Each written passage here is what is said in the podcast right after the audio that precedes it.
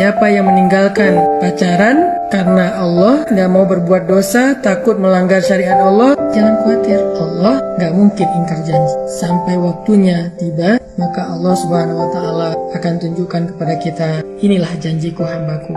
Kamu sudah sampai kepada akhir dari proses. Sekarang nikmatilah balasan di sisi Allah. Tiba-tiba menikah dengan orang yang lebih baik daripada yang sudah dia tinggalkan.